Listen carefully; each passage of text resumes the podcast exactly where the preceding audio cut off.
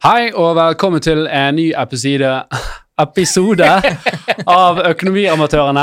En fjasete podkast med litt økonomi eh, iblant. I dagens episode skal vi snakke om eh, boligmarkedet og ikke minst boliglån. Og fått med oss en, en, eh, en ekte bankmann som forklarer oss litt om den prosessen.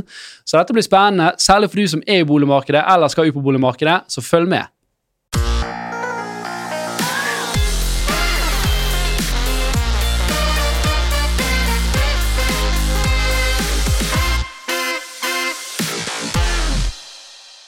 Ja, i dag har vi med oss Kristoffer Gjertsen, fra, som er leder i Himla, som er da Fana Sparebank sin digitale bank. vi skal kalle Det er korrekt. Ja, Ja. Og du er jo en ekte bankmann. ja, jeg har stort sett ikke gjort så mye annet i livet enn å jobbe i bank, så Ja. Bare veldig raskt uh, spørre når du sier digitale bank, vil det da si at hele søknadsprosessen er digital? For jeg, jeg, jeg søkte her om dagen, og da fikk jeg et uh, uh, svar fra en person. ja. Det, det er litt manuell jobbing på Ok. baksiden, det er riktig. Uh, så systemene er ikke så gode enda at vi kan Altså, vi, jobb, vi har jo jobbet lenge mot det vi kaller grønne boliglån, som vil si at en kunde søker, systemet innvilger, og systemet utbetaler. Ja. Men, men vi er nok et lite stykke derfra enda, dessverre. dessverre. Så, så vi må, det må sitte noen eh, bankfolk på baksiden og det jobbe litt. sitter en eller annen person og trykker på en knapp der. Korrekt. Ok. Ja. Så dere hører, så har vi jo Torstein med i poden òg. Ja, hei. Og eh, Jan Tore han, er på, han har jo hatt eh, julegøy her nå i hele vinter, så han og madammen og kiden de er på en velfortjent ferie. Så I tre uker på Gran Canaria. tre uker på Gran Canaria. Med om- Kjekt. Det er kjempegøy. Ja. Jeg har aldri vært på charterferie. Ah, nei, Nei? Som bankmenn flest. Da fikk jeg den. Nei da. Eh, alle snakker veldig varmt om all inclusive, så jeg tenker jo at eh, jeg må gjøre det med, med kidsa snart. Men eh, jeg har det fremdeles til gode. Ja, ja. Herlig. Nei, men veldig bra. Det skjer jo veldig mye i, i boligmarkedet for tiden. Det, rentene har økt betraktelig det siste året. Uh, nå kom det nye tall eh, som tyder på at eh, næringslivet i Norge fortsatt går bra. Det var vekst eh, i, i Norge. og Det likte ikke sent- sentralbanken, for de håpte den skulle roe seg litt. Så, så de, de eh, Da forventer man enda en renteheving eh, nå i, i, i Mars, var det det? ja, i hvert fall i Q1, eh, sånn som jeg forstår, i første kvartal. da. Eh, og, og da vil jo styringsrenten være på 3% Og det 3% styringsrente det er nesten dobbelt så høyt som det jeg hadde på boliglånet mitt for uh, ca. et år siden. Så hva er det som skjer her, Kristoffer? Si det. Det er jo uh, Det er vesentlig høyere enn hva det var uh, for bare kort tid siden. Og vi får jo mange reaksjoner fra kunder. Bare sånn, 'Hvordan kan det stige så fort?' hvordan kan Det stige så fort? Det, det var det som du sier. sant? Hadde 1,5 rente for, eh, for et år siden. Så nei, det jo bare, har jo bare vært en, en eh, voldsom utvikling i, i økonomien. Og så har vi jo drypp av Eh, dessverre denne krigen i Ukraina, vi har hatt covid. Eh, det er veldig mange faktorer som spiller inn her. da. Ja. Og det største er vel at eh, vi har den inflasjonen sant, som, som driver prisene opp, og så prøver man å kjøle ned økonomien med å gjøre ting dyrere. Sant? For inflasjon er jo det at ting blir dyrere fordi at folk byr opp prisene. Nå er jo det riktignok råvarepriser som gjerne driver inflasjon her, men det er i hvert fall teorien eh, blant eh, moderne økonomi at man kan kontrollere eller i hvert fall påvirke økonomien med, med å jazze med denne her styringsrenten. Jeg sitter, jeg sitter med et Eller jeg tror eh, dette her eh, er mer eller mindre bekreftet, men når styringsrenten eh, stiger, da vet bankene at de kan grabbe til seg litt ekstra med å på en måte eh, Hvordan de justerer opp og ned på denne renten eh, folk har, da. Bare for å spesifisere den, da. Så, så eksempel hvis styringsrenten settes opp 0,25 så kan banken gjerne prøve å sette 0,3% opp. Det er det du Ja. Ja. Eller at de varsler en eh, økning i styringsrenten om tre måneder, og så sitter man opp renten i forkant. Eller hvor, Snakk litt om det. Det er, no, det er noen hull der. Det var noen hull der før, i hvert fall. Ja, jeg, jeg tror nok at det var mer hull der før enn hva det var nå. Okay. Prøver banken å gjøre det, så blir du ganske raskt arrestert. For kundene er utrolig bevisste, eller vi er bevisste på hvilken rente vi har. Mm. så man følger med. Eh, så er det jo sånn at det er noen, noen banker som setter opp renten kjappere eh, enn andre, og så er det jo noen banker som kanskje avventer litt Ja. og tar det, eh, tar det litt mer med ro. Det virker jo som disse store, sånn som DNB er en av de første som er ganske kjapt ute, da. For de setter liksom føringen for uh, ja, DNB og Nordea, disse store. Er det, er det riktig, eller er det bare de vi hører om fordi at de gidder folk å skrive om? holdt det på å si? Man er jo lettere utsatt er man en storbank, så man har vel flere øyne rettet på seg. Mm. Uh, men om, det, om den oppfatningen er helt riktig, det, ja, det vet jeg nok ikke helt. Uh, men så er det jo sånn at bankene har jo denne varslingsplikten. Sant? Så når de først setter opp en rente for, for kunden, så tar det jo seks uker før den faktisk trer i kraft. Mm. Ja, riktig.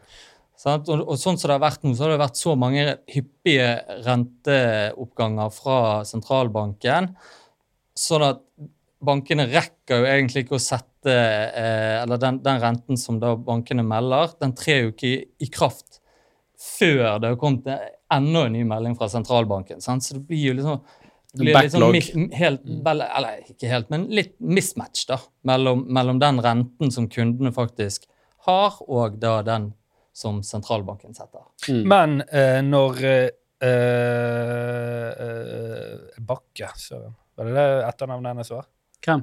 Eh, sentralbanksjefen. Ida Wold Bakke? ikke Ja, ja, ok. Ja, når hun sitter opp var det 17. desember eller noe, Mm. sitter opp eh, 0,25 prosentpoeng, Mm. når trer den i kraft da? Ikke for uh, kundene, men for bankene. Det er ganske umiddelbart. Så det er 17. desember? Eller er det Nei, 1. nå er jeg kan ikke si akkurat om det er den og den datoen. Det, det, det, det vet jeg faktisk ikke helt. Nei, okay. Eh, men det er jo klart at prosessen til bankene eh, når en sånn melding kommer ut, begynner jo umiddelbart. Mm. Og liksom tenke, Hva har dette å si for, for oss? Hvordan skal vi agere på dette? Mm. Og så er det jo mange andre eh, eh, forhold som spiller inn i forhold til hva konkurransemarkedet, og hva har vi gjort tidligere, og litt sånn i forhold til strategien til banken òg. Mm. Nå skal jeg spørre deg om noe som jeg vet er et litt komplisert svar på, men jeg håper at du kan hjelpe oss å grave litt i det og skape forståelse. For, for det er jo ikke sånn at uh, selv om sentralbanken nå har en styringsrente på 2,75, Mm. så har jo ikke jeg en boliglånsrente på 2,75. Mm. Min boliglånsrente er jo høyere. Men likevel, og, og det er jo ikke sånn at det er en direkte korrelasjon med den kostnaden som banken har på penger, og den renten som, styrings, eh, som, som, som sentralbanken setter. Så, så hva er den, denne differansen Uh, som består fra styringsrenten til La oss si hvis, har, hvis styringsrenten er 2,75, og jeg har uh, uh, 3,75 i boliglån, så er det en prosent imellom der. Er det ren margin for banken? Nei, det er det ikke. Eh, og så er jo det et komplisert spørsmål, men for å prøve å gjøre det lett da, i, i denne settingen, så er jo det klart at, at bankene betaler jo nå for å låne inn pengene sine.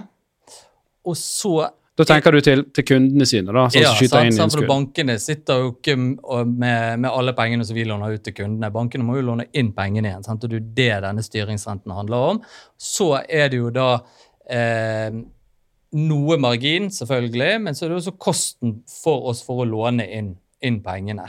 Så enkelt forklart så er det ikke sånn at banken tjener eh, ref. eksempelet ditt, hvis det er 3 styringsrente, vi låner ut til 4% så er det ikke 1% margin banken sitter igjen med. Mm. Nei, men det, dere, det, det er kost for banken Dere- inni den ene prosenten, så margin er eh, betraktelig eh, mindre. så dere opererer innenfor den prosenten? da. Ja, ja, Sant. det gjør vi jo. Så eh, Det er klart hadde, at Vi tjener jo penger på det. hadde sant? ikke det vært noen eh, lokalkostnader, personalkostnader, ingenting, så hadde det vært Men bare fundingkostnader, for fundingkostnader kan være høyere enn en styringsrenten. Det For kan jo være også. at styringsrenten er 3 men du tilbyr dine kunder 3,2 i, mm. i innskuddsrente, f.eks. Mm. Mm.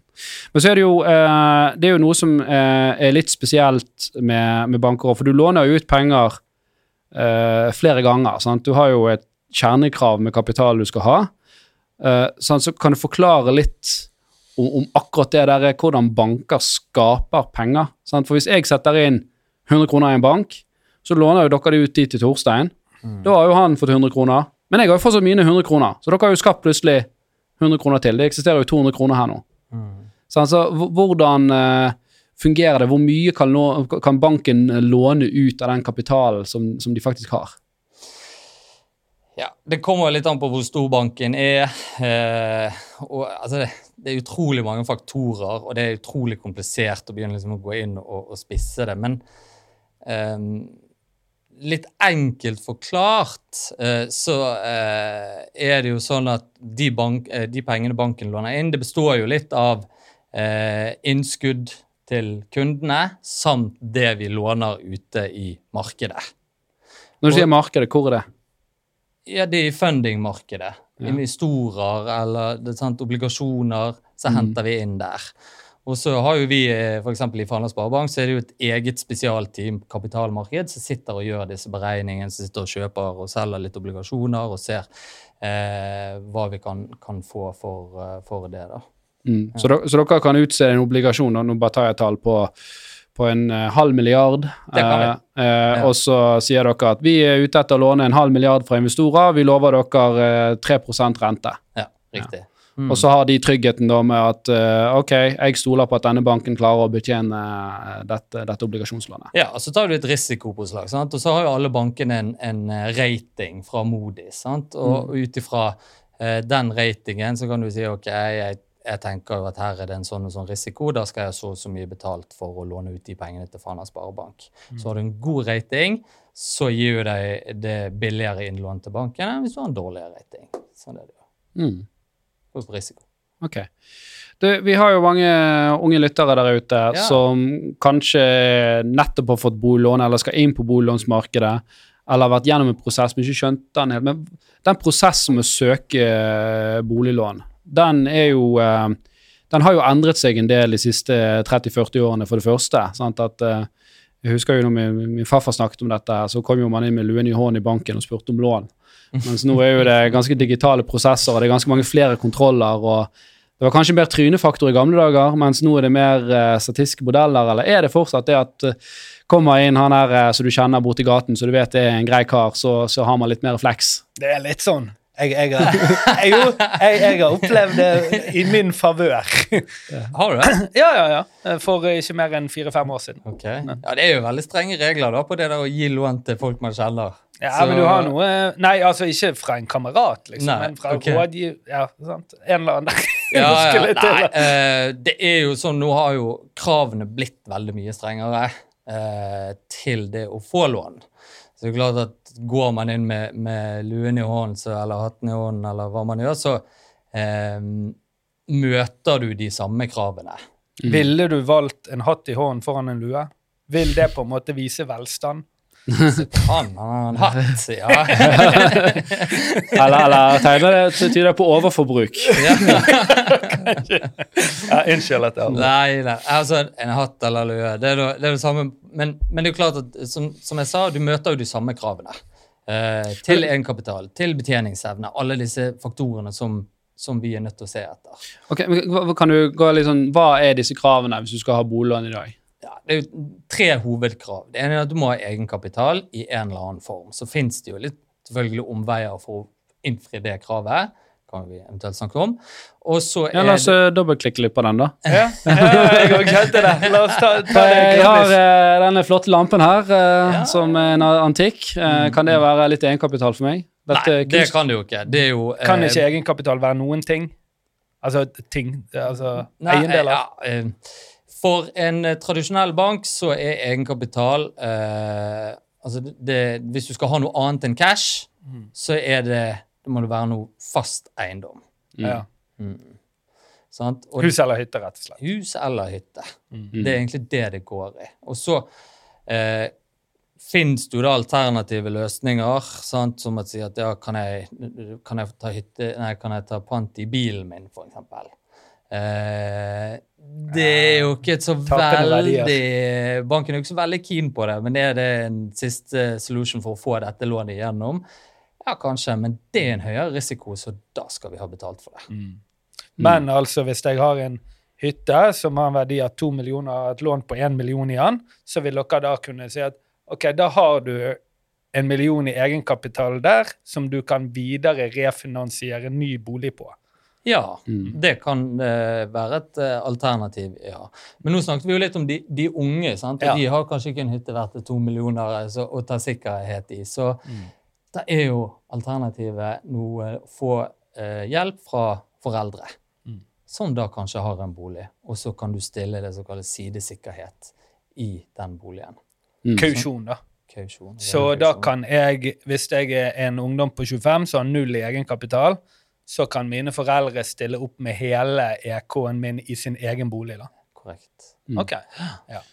Ok, veldig spennende. Eh, et eh, gammelt eh, triks, triks med hermetegn for de som hører på, eh, det var jo at mange tok jo Ikke mange, men enkelte tok jo forbrukslån før. For da hadde du plutselig egenkapital. For, for regler er jo sånn at eh, hvis du har forbrukslån, så kan det senke Hvis du får låne 3 millioner, og så tar du 300 000 i forbrukslån, så får du kun låne 2,7 millioner.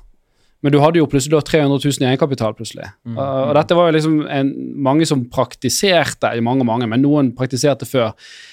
Ser man fortsatt det i dag, eller er det hullet tettet nå når gjeldsregisteret er der, at man kan se at uh, her er det ugler i mosen? Det er akkurat som du sier, det ble rimelig kjapt tettet med gjeldsregisteret. Mm. Sant? For det, det var jo kanskje da at folk tok opp dette lånet dagen før de søkte om boliglånet, eh, og sa det at her, eh, her er de 300 000. Sant? Og så kunne de innfri forbrukslånet igjen, Mm. eh, og så fikk de finansieringsbeviset. Mm. Sant? Fordi de skulle bare bevise at de hadde 300 000 cash på konto. Synd Mm. at den Altså, fleksibiliteten har forsvunnet. ja. Ja, ja nei, vi får, eh, vi får se om du eh, eh, greier å få, få noe lån med den innstillingen. Vi har, eh, jeg, vi- jeg vet vi er på punkt to, men vi har en eh, Karsten her spør hva med unntakskvotene? Fortell litt hva det er, og hvordan man kommer inn under de da. Ja, Unntakskvotene er jo noen altså Vi har jo da, som vi har snakket om, dette kravet om eh, egenkapital. Og så har vi jo krav eh, om gjeldsgrad. sant? Du får jo heller ikke låne mer enn fem ganger inntekt. Eh, og det inkluderer jo all gjeld. Så, de- så hvis jeg har 500 000 i inntekt, så kan jeg låne 2,5 millioner. Ja, Men så har du 500 000 i, for, eller i studielån, f.eks. Det vil si at du bare kan låne 2 millioner i bo, på Ja. boliglån. Men er vi to stykker, og begge har eh, 500 000 i inntekt, en halv million hver i stu, studielån, så kan vi låne 4 millioner til sammen. Korrekt. Okay. Ja. Sånn, så Det er det andre kravet. Så da er det belåningsgrad, gjeldsgrad, og så er det likviditet. Det er jo å se at, bank, eh, at kunden faktisk kan betjene dette lånet. Og så er det dette med risiko, eller renterisikoen og, og, og, disse tingene her. Så er det sånn da at selv om du ikke innfrir en av de kravene, så kan banken allikevel si at vet du hva, jeg har lyst til å gi deg finansiering. Ofte i de tilfellene så er det for eksisterende kunder. For bankene, den kvoten er jo ikke så veldig stor, men da kan du i hvert fall bruke det 10 av lånet Ja. man gir ut. ja. Ja. Og da kan du Ja, det er jo også litt sånn komplisert, sant? for dette er bare 10 av det totale utlånet forrige kvartal. Altså det er litt sånn Okay. Ok. Det er ingen av bankene som bruker de som, som er helt oppe i 10% heller. Sant? De fleste ligger et par prosent under, sånn at de har noe margin Mm. på det. Eh, men med den uh, unntakskvoten så kan du altså si det, stryke en av de, eller flere, da, hvis banken er skikkelig i, i godgjørende, eh, kriteriene, og si at 'jeg har troen på, på deg', eller eh, 'du har vært kunde her i 20 år', 'jeg ser at du har vært flink til å spare i BSU-en din', eh, og du har spart siden du var 18 år, hvert eneste år', men allikevel så når, det, når du ikke de 15 prosentene. Du har bare 10 Mm. Men jeg velger å si at vi tar deg på denne avvikskvoten, eh, siden du virkelig liksom har gjort en innsats for å prøve å Det er ikke din feil at prisen har steget eh, vanvittig de, de ti siste årene. Så, så, så banken har liksom litt å gå på. Så er det jo selvfølgelig også denne eh, fleksibilitetskvoten som, som brukes på folk som havner i en uheldig situasjon, som, som man kan bruke hvis det er eh, noen som skiller seg, og så er det en part som ønsker å kjøpe boligen for at eh, ønsker å bli værende der med barna. Mm. Så har banken litt sånn leanway da, for, for å gi de mulighetene som, eh, på, på denne fleksibilitetskoden. fleksibilitetskvoten. Mm. Men må en rådgiver da eh, begrunne skriftlig hvorfor du og du har falt inn i denne kvoten? Vi rapporterer alle avvikssaker, det gjør vi. Ok. Mm. Håper det svarte på spørsmålet ditt, Karsten. Gjerne still flere. Og dere andre som hører på eller ser på, still spørsmål på Facebook og YouTube, så kommer det opp på skjermen vår her. Så, så kort, kort oppsummert, det var tre ting. Det er Kan du gjenta? Det er eh, Kravene. Ja. Egenkapital, ja. likviditet Ja. og gjeldsgrad. Og likviditet, kan du spesifisere noe hva det er? Det er jo betjeningsevnen din. Ja, det Det er liksom cashflowen din i, i måneden. Sant? Ja, det er inntektene i forhold til husholdets utgifter. Ja. Du får inn 10 000 i måneden, det lånet koster deg eh, 2000, men så har du en bil, den koster deg 2000, og så har du en, eh, et barn, kanskje. Eh, det koster jo ganske mye. Så det er dy- og de fleste bankene bruker også SIFO. altså Mm. Det er jo da Statistisk sentralbyrå sitt på en måte budsjett for en gjennomsnittsfamilie eller et hushold. Mm. Eh, og sier da at en bil koster deg x antall kroner i måneden, og eh, huset ditt er så stort, det koster deg x antall kroner i måneden. Mm. Og så var det jo dette som jeg var inne på med renterisikoen. Der har jo nå myndigheten fyrt litt på, på det kravet. Tidligere så var jo bankene pliktige til å legge på 5% på dagens gjelde rente for å se at du faktisk greide å håndtere det. Men nå er det jo barbert ned til 3 Ja. Mm. Så, så, så hvis eh, boliglånsrenten du kunne tilby var 3 så måtte du se at klarer denne personen å betjene lånet dersom renten blir 8 Riktig. Og Nå er den tatt ned til 3 så nå må du se klarer denne personen å betjene lånet dersom han går til seks. Riktig. Okay. Men Yes. altså, siden styringsrenten har gått opp en god del, da, så vil det vel nå si at man har akkurat samme fleksibilitet som når styringsrenten var én. Ja, ja. Mm. Det, det er helt riktig. Ja, Ja. absolutt. Så, uh, men, men det er jo det er jo utrolig kjekt at bankene har, har uh, muligheter til, til å liksom hjelpe de som virkelig trenger, trenger det. Eh, Da med denne fleksibilitetskvoten, da. Selv om det ikke er så mye. Jeg synes det var en ting som var at du, eh, du sa for i neste pod, om det neste eller den etter, det er ikke vi helt bestemt ennå. Vi skal ha en der vi snakker om homogene produkter versus heterogene produkter. Eh, og da kan man eh, si det at eh, en krone er en krone. Sant? Så om du låner fra bank A eller B, så får du like mye verdi av den kronen. Mm. Uh, men så sa du noe her at ok, men hvis du har vært lojal kunde i mange år, så kan det gi en sånn merverdi. Mm. Som kanskje bryter litt med den tanken som man eh, som, som mange, om, det er Hallgeir, da, eh, sant, som er ute og snakker en artikkel, eller for så vidt vi også sier er bra, at du skal være litt illojal med banken din og hoppe mellom bankene, for da får du best mulig rente. Mm, mm. Men du sier her at ja, men det kan nå være tilfeller hvor det kan være greit at du har vært kunde et sted 15 år, for da når du kommer i den skvisen, så møter du kanskje noen, noen som ønsker å hjelpe deg. Det er helt riktig.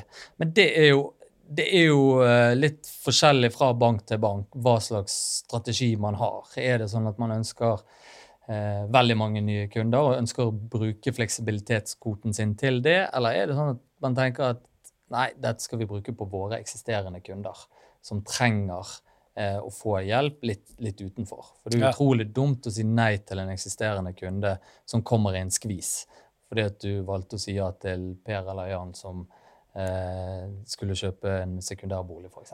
Mm. For, for jeg ser den, men samtidig så vil jo man også kunne tenke som et markedsapparat at denne her kvoten er en fantastisk enkel måte å vokse på. Ja, ja. Man, man vil jo det. Ja, eh? ja, ja. Altså, det, det er jo klart, og, og- og noen bruker nok den til det i en viss grad. Hvem da? Hvilken bank? Ja, nei, si det. Men eh, vil det da Ok, så det kan være avhengig av banken, selvfølgelig, hvordan de ønsker å bruke den, denne kvoten. Men kan man òg være heldig eller uheldig med rådgiveren man møter på? Eller er det helt klare retningslinjer fra bank til bank? Det er jo helt klare retningslinjer, absolutt, eh, som rådgiverne må forholde seg til. Eh, men om det er en rådgiver som liksom virkelig står på for deg Jeg, jeg tenker jo at alle rådgivere gjør det. for man, man er jo en, en rådgiver i en bank fordi man syns det er gøy og man ønsker å hjelpe. Så jeg tenker alle står, står bra på. Det er ikke at de trenger en jobb, altså. Det er det at de Det sånn brenner for uh, det Bankfaget. ja, ja, ja. Men, men, eh, det, men, men så kan jo det hende at du treffer på en eller annen som bare sånn Dette her, dette skal jeg få til, koste hva det koste vil, omtrent. Mm. Eh, men sånn i utstrakt grad så, så, så er jo alle eh, jeg Men jeg vil, jeg vil tro dere har statistikk på dette her, at dere ser at Kari hun driver og gir, gir lån til alle her, men Jannicke og Pål gir jo til ingen. sant? Ja, ja, det er det jo. Um, nå er det jo Der hvor jeg jobber nå, så, um, så gir jo vi ikke lån på avvikskvote. Mm. Det er himla, altså. Jeg, jeg, jeg, jeg har litt lyst til å utfordre det. Ikke på den siste påstanden din, for det vet du mye bedre enn meg, men jeg har jobbet i forsikringsbransjen, og Ja. jeg har jo- jobbet med folk som har jobbet i eh, bankbransjen, som rådgiver. Og det er klart at man har KPI, eller at man måles på ting som Klarer du på en måte å holde oppe Hvor lønnsomme er dine kunder? Klarer du å holde oppe rentenivået på din portefølje? Nå er det sikkert liksom forskjellig fra bank til bank, da. Mm.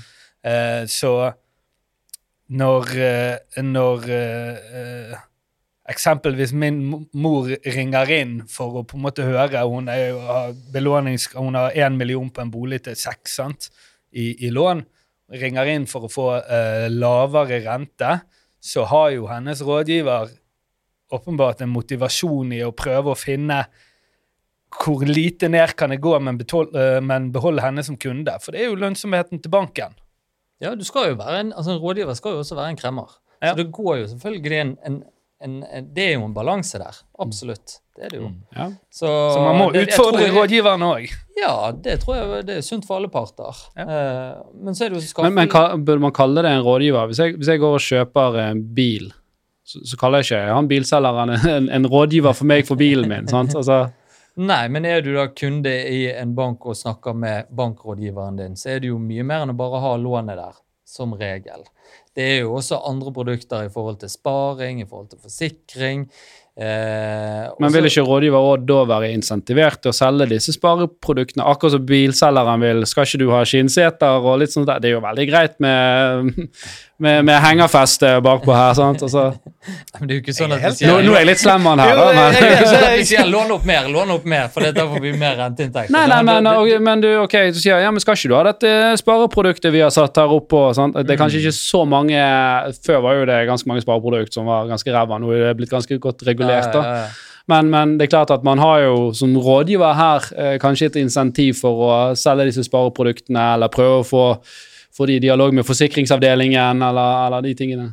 Ja, Du kaller det et insentiv, men jeg vil jo si det er mer en plikt. Altså, Når en kunde kommer til, til banken, så er det jo vår plikt å informere dem. Altså, det er jo ikke så veldig mange andre steder man kan gå nødvendigvis og få en total rådgivning da på, eh, på sparing eller på forsikring. Sant? Det det at, liksom Iallfall legge frem hva er konsekvensen hvis en av dere faller fra. Mm. Uh, og, og, og det er klart, jeg skulle gjerne ønske at det var noen som fortalte meg når jeg var to år, eh, eller Når du var to år?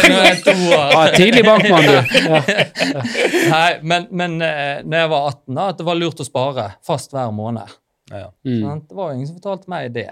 Så, så, men, og hadde jeg gjort det, så hadde jo det vært eh, vanvittig summer å snakke om hvis du da hvis du setter inn 1000 kroner hver måned på et eller annet. Mm. Og det, så sånn, hadde jeg da ringt til rådgiveren min da i, i, i banken, og så hadde den personen sagt du, det der med sparingen, har du tenkt det?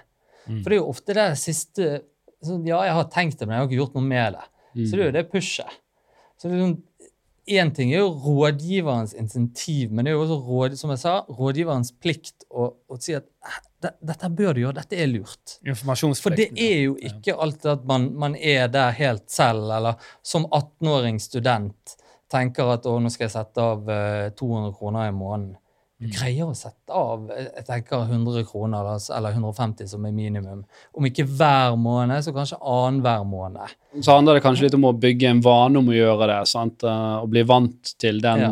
tankegangen. Mm, Nei, jeg, jeg, jeg, jeg, erter det litt, eh, men, eh, men jeg, skjønner den rådgivningsbiten, Mm. sant? og så kan man sånn er, er rådene fra et objektivt perspektiv er jo Mm. én ting, men nå har jeg jo selv jobbet i finans, og jeg så jo liksom endringen fra eh, 2010-2011 fram til eh, jeg sluttet i, i, i 2018-2019 ja. uh, i den bransjen. og Ja. og det var jo betraktelig mye mer uh, vi måtte undersøke og forklare. Hvis vi skulle gi et råd da, om at dette fondet er bra, så måtte du kartlegge, og du måtte skrive en sånn Derfor er dette rådet riktig for akkurat denne personen her. Eh, Og så skal den gjennom compliance-avdelinger og, og, bli godkjent og sånt. Og da, så det er, jo, det er jo bygget et apparat som skal påse i hvert fall at den rådgivningen er noenlunde innenfor uh, for, uh, for det som er i kundens interesse. Ja, Stort sett alle rådgivere da går jo gjennom et sånt kurs, uh, autorisert finansiell rådgiver. og Da er det jo nettopp disse tingene med, med hvordan du skal rådgi en kunde, og, og du skal på en måte, det skal være sikkert at, at kunde har forstått produktet. Ja. Eh, og eventuelt risiko, da, hvis det er snakk om noe fondssparing eller den biten der.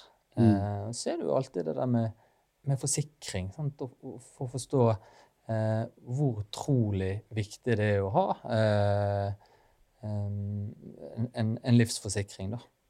Eh, og, og, og den biten. Og så er det jo med skade også.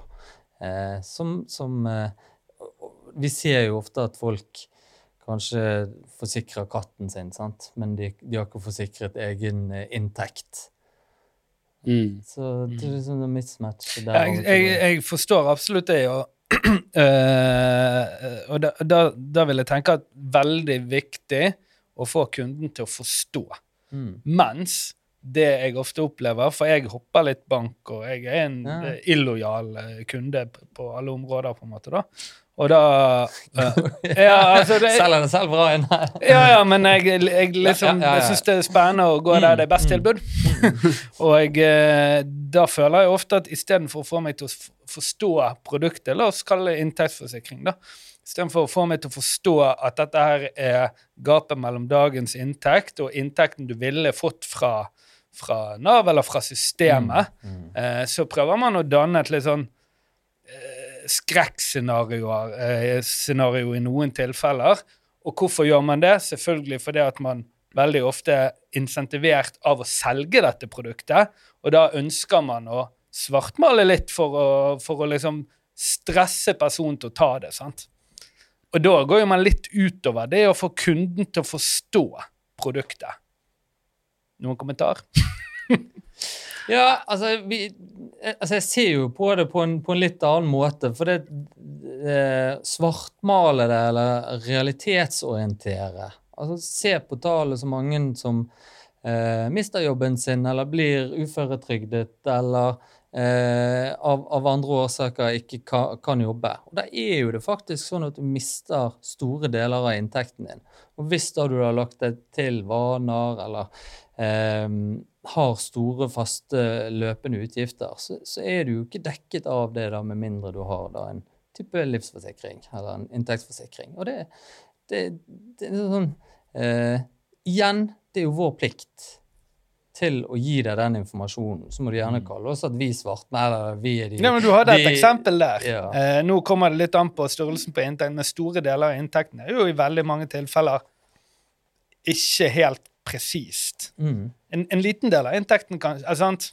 Altså litt sånne, altså At man har innøvd sånne ord som gjør at dette her blir Nå er vi på ville veier her, da, men Jeg har tenkt å stoppe deg hvert øyeblikk. Jeg tenkte jeg skulle se hvor du skulle hen. ja, at, at, at, at dette blir at, man skaper en veldig ond følelse da, Mm. som gjør at det er større sannsynlighet for at kunden hopper på produktet. Men, men dette er jo salg 101. Sant? Enten skal du få kunden opp på en rosa sky og fortelle dem sånn blir livet ditt dersom du har gjort dette, eller så skal du skremme dem. Sant? Du skal spille på de emosjonelle eh, eh, følelsene kontra logikken. Sant? For det er mye lettere, og du, og du tar òg i stor grad Mennesker tar eh, uh, altså beslutninger mye mer basert på emosjoner enn nødvendigvis hva som er realiteten.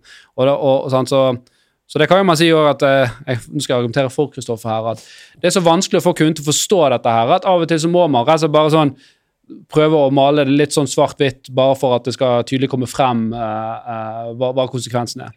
Jeg vet veldig godt hvor du er på vei, altså hva du mente. altså. Ja. Jeg, Ja. Ja, men det, det er gøy dette, å, å stresse de litt. Uh.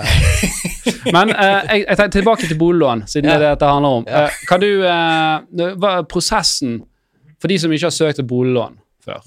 Hva, hva er den? Nei, eh, det spørs jo da eh, om du går med den famøse hatten eller luen inn og, og slenger skattemeldingen på bordet og sier eh, 'jeg vil ha boliglån', eller om du tar den litt mer digitale eh, veien. Kan du gjøre det? Kan jeg gå inn til Fana Sparebank i dag med selgergivelse og si at hva kan jeg få? Ja, da sier vi at eh, kan ikke, du, eh, kan ikke jeg få lov til å hente den digitalt istedenfor? men men det er jo eh, Ja, det er jo ofte sånn at spesielt hvis man skal kjøpe bolig for første gang, så er jo det kjekt å komme inn og snakke da med en, en, en rådgiver. og få forklart litt prosessen med, med hvorfor du kan kjøpe for så mye, eller hvorfor du ikke kan kjøpe for den summen som du kanskje hadde tenkt deg, og disse kravene som vi har snakket om med, med eh, egenkapital og likviditet, og fysisk vise frem da, hvordan vi ser det, eh, og hvilke krav som vi må ta, ta høyde for når vi skal gi det lån. Eh, så eh, i hvert fall når du skal kjøpe bolig for første gang, så gjerne ta kontakt med, med banken og be om et møte. Får en skikkelig gjennomgang. Mm. Ok, men, men den, den, det er jo et godt råd, men den selve prosessen det er jo det at man, man søker, sant? Uh, og, og så skjer det noe hos banken. Jeg går inn på nettsiden sier jeg vil ha, ha, ha lån. Ja. Uh, hva gjør jeg? Ja. BankID må fram, det, det skjønner jeg. Ja, ja. Nei, Og så gir du et samtykke, sånn at banken innhenter den informasjonen som vi trenger. Og det er selvangivelse. Og, Selvangivelse, lønnsslipper eh, og alt det hentes elekt elektronisk i dag. sant? Det hentes elektronisk. Og så kan det hende at vi må ha noe tillegg hvis du nettopp har fått ny jobb, f.eks. Og det er jo ofte tilfellet for de som kjøper eh, bolig for første gang. Det er sånn Yes, nå har jeg landet jobben, nå kan jeg få meg boliglån. Mm. Men du har, det vises ikke på, på skattemelding eller på de siste lønnsslippene. Men du har arbeid... Ja, Ja, du, du har vært student, og selvangivelsen sier at du tjente 73 000 i fjor. Mm. Uh, og så sier, kommer du inn der og sier nå tjener jeg 520 000. Ja. Og så må du liksom bevise det, da. Så må du ha dokumentasjon på det. Ja. Uh, og så er det jo dette med egenkapitalen. Hvor kommer den fra? Det er jo også må vi ha en, en dokumentasjon på. Hvor- Eh, Det, det, er fra et hvitvaskingsperspektiv, antar jeg. Riktig. Ja, altså mm. Er dette her, eh, Når jeg terrorpenger? ser at det står på BSU, så er det jo greit. Ja, ok. Eh, men Ja. hvis jeg ser på selvangivelsen, så står det null, og så kommer du inn og sier du, jeg har en million Så du kommer med svart bossekk med kontanter, så får du noen spørsmål. Ja. Ja. Så, nei, og så tar man en gjennomgang, og da eventuelt sier at dette her er bra, dette, var jo, dette kan vi gi deg det som eh, eh, du hadde tenkt. Så får du utstedt et finansieringsbevis. Uh, og da, det gjelder som regel i tre måneder. Mm. Og da kan du begynne å gå på visninger. Og hva, hva sier dette finansieringsbeviset? Det sier at du kan kjøpe for x kroner. Ja. Um, Så, så det er veldig sånn entydig at her har du fått dette her. eh, Nå sier jeg dere, da, for la oss si det er et par. Dere kan kjøpe for 4,3 millioner. mm. Så det er det du kan by da i en, i en budrunde. Kommer du over det, hva skjer da? Er du fucked? Kan du snakke med banken, eller eh? Ja, Som regel så liker vi å, å ta høyde for for når en kunde sier ja, jeg ønsker fire millioner. Så er det jo greit å på en måte stressteste det litt og si ja, ok, det, det, jeg vet at hvis kunden ringer nå, og det er en virkelig bolig, eller en bolig kunden virkelig har lyst til å, å ha, og så koster den 4,1, så kan jeg da med enkelthet si ja, det er greit. For, for, for, det er så, sånn, sånn er det jo ofte, sant? Hvis det Eh, er innenfor de 85 ja, ja, selvfølgelig. Men da har jo, da har jo man, man sjekket det på forhånd. Ja, ja. Eh, og dette finansieringsbeviset Så dere har litt å gå på finansieringsbevisene? Ja, det var, det var lurt. Ja, nei, Det spørs jo når, i dialogen med kunde da, om du sier skal jeg lage det på det du maks tåler, eller er det sånn at du har sett for deg et tak på tre millioner. Mm. Så, så det blir jo litt ut fra det. Og dette finansieringsbeviset det er jo ikke sånn at du får et fysisk ark, altså diplom og går rundt og viser det på visning. sant? For da eh, vil jo megleren si å ja, se du kan by tre millioner, ja. Ja, Tror det er så? Ja. så det er jo noe som, som du har, og bare du skal, skal vite. Og så, og hvis du da legger inn eh, et bud på en, en eiendom, så vil jo da megleren ringe da til den eh, banken som du oppgir på budskjemaet. Og så ringer megleren og sier han, du, denne Per han har bydd eh, tre millioner, er det ok? Ja, det at har, det er ok, sier jeg da. ja, de sjekker det opp mot finansieringsbeviset ditt. Korrekt. Så hvis jeg har tre millioner i finansieringsbevis, så kan jeg like godt by tre, altså jeg kan likevel by tre og, og en halv, men da vil han ringe opp og få beskjed om at det er ikke tilfellet. Da sier jeg den finansieringen kan jeg dessverre ikke bekrefte. Da okay. må vi ta og snakke med Ja, riktig. kunden igjen. Martin, eh, trofast slutter her, avslutter spørsmål. Eh, kan man kjøpe tomt fra BSU, eller med BSU-en? Eh, nei, det tror jeg faktisk ikke man kan. Det er kun, eh, kun fast eiendom. Ja. Mm. Så hvis jeg, jeg ikke, hvis jeg skal kjøpe tomt for byggehus, så får jeg ikke bruke BSU-en min? Ja, altså du, kan, du får nok sikkert bygget det eh, eller brukt det senere i prosessen, men akkurat det å kjøpe tomt Altså det, det å, å Tomt, en, verdien på en tomt, er jo egentlig utrolig dårlig sikkerhet for en bank. Hvordan skal du, hvordan skal du sette en verdi på en tomt? Spørs jo hvor han ligger, da. Ja, Det spørs jo hvor han ligger. Sant? Men så, å ja, han ligger i et eh, naturreservat. sant? Eh, og så har du en eller annen megler som sagt ja, ja, bygger du et hus på denne på 200 kvadratmeter, så får du en verdi på 10 millioner. Eh, men du får jo aldri bygget et hus der på 200 kvadratmeter. Du får ikke bygget et skur engang. Da er jo den tomten null verdt. Mm.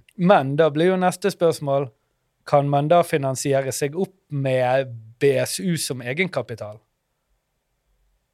Hva tenker du på? Altså at man bruker BSU-en som egenkapital for et lån? Ja, ja, det, det gjør jo man absolutt. Men Blir ikke det litt det samme her, da? Men, nei, ikke kjøpe, ikke, for ikke kjøpe altså, når det gjelder tomt. Men Ja. du bruker jo BSU-en din som egenkapital når du skal kjøpe bolig.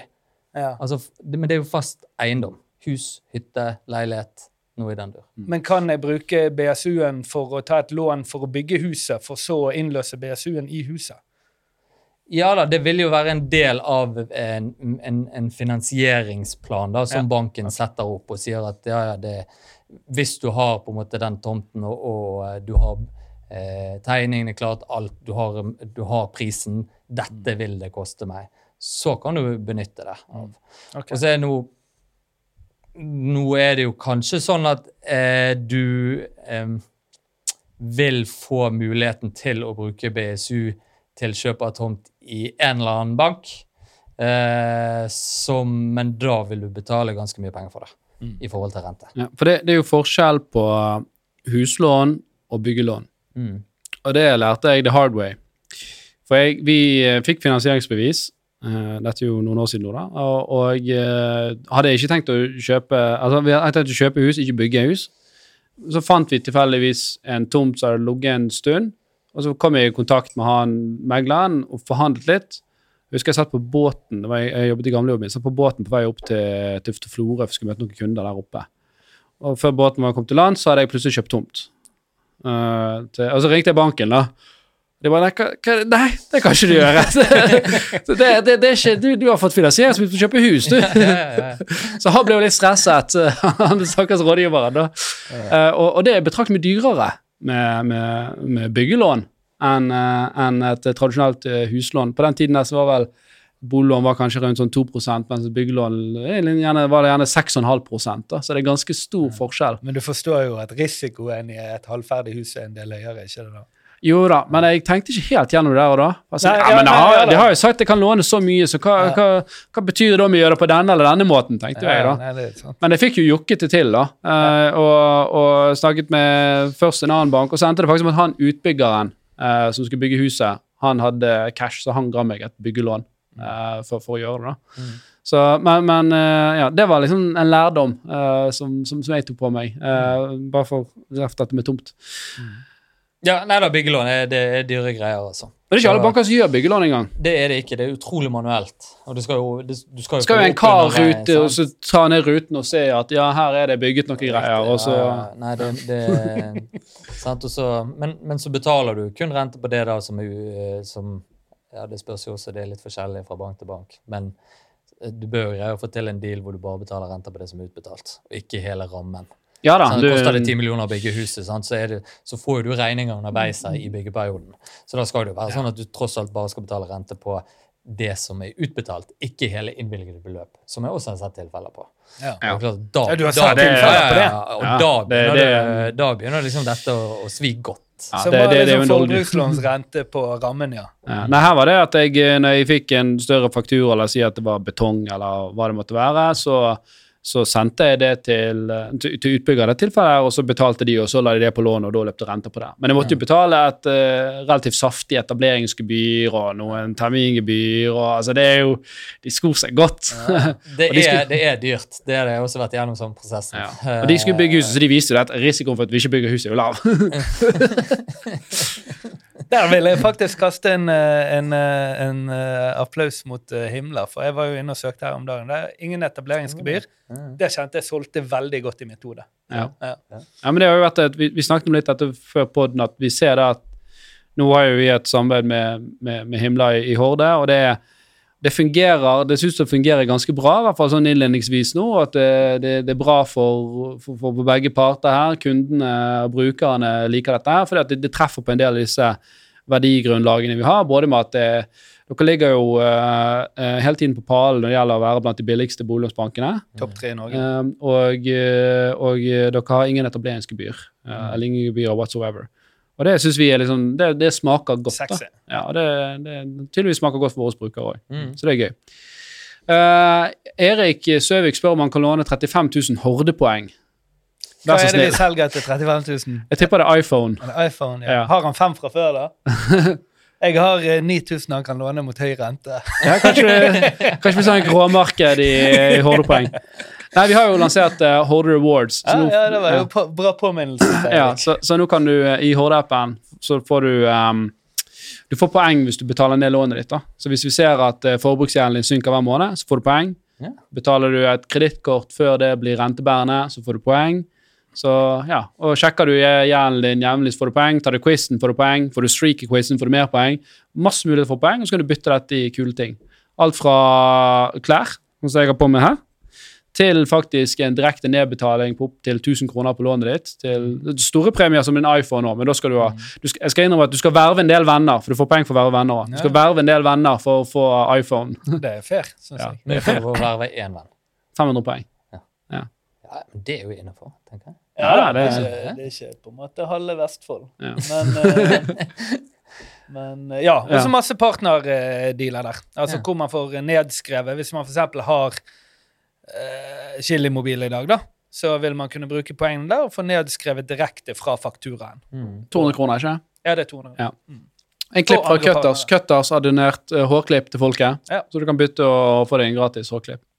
Da ble det litt reklame på slutten. da. Ja, men det er, jo, det er jo bra. Det er jo liksom de, de tingene man trenger, da. Og det liksom gir jo det gir en litt sånn ekstra giv, eller kanskje et insentiv, og tenker at ja, gjør jeg det, så får jeg det, så kan du spare opp mot noe. Ja. Et mål. Og det Ja. er ofte det som er viktig. Ja, for det, Dette handler jo om forbrukeratferd, og det er mye forskning som viser det at den, den positive liksom, belønningen, denne nudgingen, den har en positiv effekt. Og vi ønsket jo det at ok, vårt mål er jo at folk skal få kontroll på gjelden sin. Hvordan kan vi gi en liten sånn eh, ekstra nudge på at dette gir en god smak, da, eh, når du rett og slett gjør en nedbetaling eller du betaler ned kredittkortet før det blir rentebærende. Så vi gikk litt sånn i tegneblokken her og måtte forhandle litt med disse, disse her leverandørene våre, men ja, vi har fått eh, til noe som jeg syns er veldig bra. Mm. Og bedre skal det bli. Greit. Nå, hva er en god boliglånsrente i dag? Rett på sak. Ja, rett på sak. Eh, en god boliglånsrente i dag med siste hevningen er jo vel rundt, eh, rundt 4 Mm, og det er hvis jeg har 25 egenkapital. eh, Ja. Hvis jeg er førstegangskjøper, akkurat skrap meg med kausjonist fra foreldrene opp til 15 da. ja. Det er jo litt forskjellig, for det, har du med kausjonister, så blir ofte det eh, lånet ditt delt i to, og så får du én rente på det ene lånet og én rente på det andre lånet. Litt vanskelig å si akkurat, akkurat det, men det er jo klart at de beste tilbudene som ligger der ute, det er jo eh, typ for eh, førstegangskjøpere. Mm. Eller uh, uh, hva heter det? Boliglån for unge, typ. Sant? Mm. uh, der, der kan man ofte gjøre gode dealer. Okay, Mm. Men det må forhandles frem. Ja, ikke, nei, det er det som er fint med de type produktene. Da, at okay. Da får du lav rente fordi at du er førstegangskjøper eller fordi at du er ung. Så det er jo, det er jo veldig attraktive kunder for banken. Fordi at de skal være der i 40 år? Typ, ja. Mm. Nå har jo du vært eh, bankmann i, i noen år og har opplevd eh, litt forskjellige perioder innenfor dette. Og det er klart, når renten var så lav som den var, at folk eh, fikk rente, boliglånsrenten ned i 1,5 Mm. så var det liksom Du kunne spare noe, sant, om du fikk 1,5 eller 1,55 eller 1,6. Det var liksom ikke sånn voldsomt store variasjoner der. Historisk sett, hvis du tenker tilbake i tid, og renten var da 4% eller 5% var det større da? Altså var det da at oi, shit, har du 5,5% du kan jo få 4% Altså vil du si at nå når renten er høyere, så er det mer å spare på å være litt eh, på vakt? Ja, men nå er jo, det, nå er jo konkurransen veldig hard, da. Er det mer transparens i markedet igjen òg? Riktig. sant? Altså, det var jo da, På den tiden de hadde jo ikke finansportalen, så du bare kunne gå inn og klikke to klikk på, eh, som du kan nå. sant? Så se, å ja, de har en sånn rente, ja. Og så kan jo du nå fra finansportalen sant? Da kan jo du bare se at å, her er det en som har eh, 0,25 lavere enn det jeg har. Og Da kan jo du bare sende mail direkte til din eksisterende bank om at hei, se, jeg har funnet et bedre tilbud. Mm. Kan du matche dette? Hvis ikke du kan det, så flytter jeg. Å, Så det, det, det, er jo, det er jo det er mye mer vanskeligere å prøve å ta seg noe bedre betalt mm. uh, enn en, uh, hva resten av markedet gjør. Mm. Hva tenker dere om uh, Nå er jo Horde EU har jo denne konsesjonen innenfor betalingsforetak betalingsforetak som gjør at du kan, du kan dele bankdata med Horde, og du kan òg initiere betalinger via Horde. Og dette er jo første steg i at det at bankdata og forsikringsdata det tilhører deg som forbruker. Det er din data. Mm. Um, så det blir jo enda mer transparent uh, her med tiden. Så hvordan ser du for deg i, i, i fremtiden hvis dette blir enda mer transparent? At dere til og med må dele Jo, denne kunden her, den har denne renten på dette lånet. Mm. Hvordan tror du det vil påvirke eh, næringen? Altså Vil vi da se at banker vil forsvinne i hytt og pine fordi at det blir så press på marginen? For det, det er alle disse tredjepartsaktørene som driver og flytter folk fram og tilbake? Nei, det tror jeg ikke. Jeg, eh, men jeg tror at det Jeg tror det er sunt. Fordi at det er jo mange eh, banker i dag som f.eks. driver med skuffetilbud. Og, Hva er det for noe? Skuffetilbud. Ja. Det er sånn at hvis du kontakter banken eller du presser banken, så kan de gå under prisliste. Ja. Ja. Alle vet at eh, prislister i bank det er bare veiledende. Ja. Det er ikke Bortsett fastsatt. fra hos Himle. Himle. Ja. For vi har bare én rente.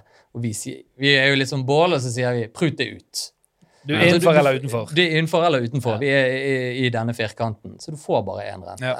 Så for, for oss eh, så eh, ønsker vi åpenhet eh, og velkommen, altså. Det, jeg tenker Ja. at det bare Det er jo sunt, det er for, for forbrukerne i hvert fall, å mm. eh, få større åpenhet Mm. eh, Mm. rundt det. Eh, og så er det jo sånn at uansett hvor lav rente du gir eller du får i en bank, så banken vil jo alltid aldri sette en så lav rente at de vil tape penger på det. Mm. De har vel kanskje ikke lov til det? Eller var ikke det noe regelverk der? Vil, vil, vil ikke det være tilfeller hvor det er et eller annet at her han er og faren er der, og de har så mye greier, så ok, hvis vi setter sånn, så For all del. Altså, ja. et enkelttilfelle sikkert her og der, men nå snakker vi om hva, en, hva man går ut med i markedet eller offentlig. Det, det, det vil jo ikke være Ja, tilfelle av det. der. Eh, så åpenhet rundt akkurat det der med renter og sånn, det tenker jeg er bare sunt. Siste spørsmål her fra, fra Erik Søvik, eh, og det er veldig inn på det vi akkurat snakket om. Hvordan forhandler man renten? Snakker man med en rådgiver? Hva gjør du hvis du vil ha lavere rente i dag og du er kunde hos en bank? Ja, Enten så tar du jo kontakt med rådgiveren eh, selvfølgelig og, og, og hører, eller så går du jo inn på typ finansportal, eller du kan gå inn på bit.no, eller gå inn på noen av de sammenligningstjenestene, eh, og så legger du inn litt informasjon om deg selv, og så ser du hva du kvalifiserer for. Eh, og så, som jeg, som jeg var inne på i stedet, så, så kan du bare ta den informasjonen og sende direkte e-post til banken din. Og si at hei, jeg har funnet et bedre tilbud. Kan dere, kan dere matche det? Og så vil jo da selvfølgelig rådgiver ta kontakt og si at ja, det kan vi, eller det kan vi ikke, på grunn av. Ja. Så, så før i tiden var det mye mer at du måtte gjennom en prosess, og så innhentet du tilbud fra fire banker, og så spilte du imot hverandre. Men nå kan du, og det kan være, det kan være verdi i det i dag òg, for du kan jo da få priser som er lavere enn den prislisten som banken har offentlig. Eh, men i stor grad så kan man sjekke finansportaler og se ok, jeg har eh, 4,5. Jeg ser jo det er banker her innenfor mitt spekter som leverer 4,2 bortimot så bare sender den informasjonen til banken og sier at klarer dere å matche dette, eller så vil jeg begynne å snuse andre steder. Mm, mm. Ja. Og så er det jo mange, Vi får jo mange henvendelser på det, men det er jo ikke alle heller som eh, fra, fra bankens side så er det ikke alle som kvalifiserer til å flytte. Sant? Og så er det viktig å være liksom, hva, eh, Hvilket lån har jeg? Har jeg fått et lån på avvikskvote, så, så får ikke du flytte det til en annen bank. Sant? Og har du med realkausjon og sånn, så ville jeg holdt deg der du er i dag, og ikke begynt med styring. og da vil du betale ganske mye i gebyrer og, og, og tinglysninger og sånn, som gjør at det kanskje ikke lønner seg uansett. Mm.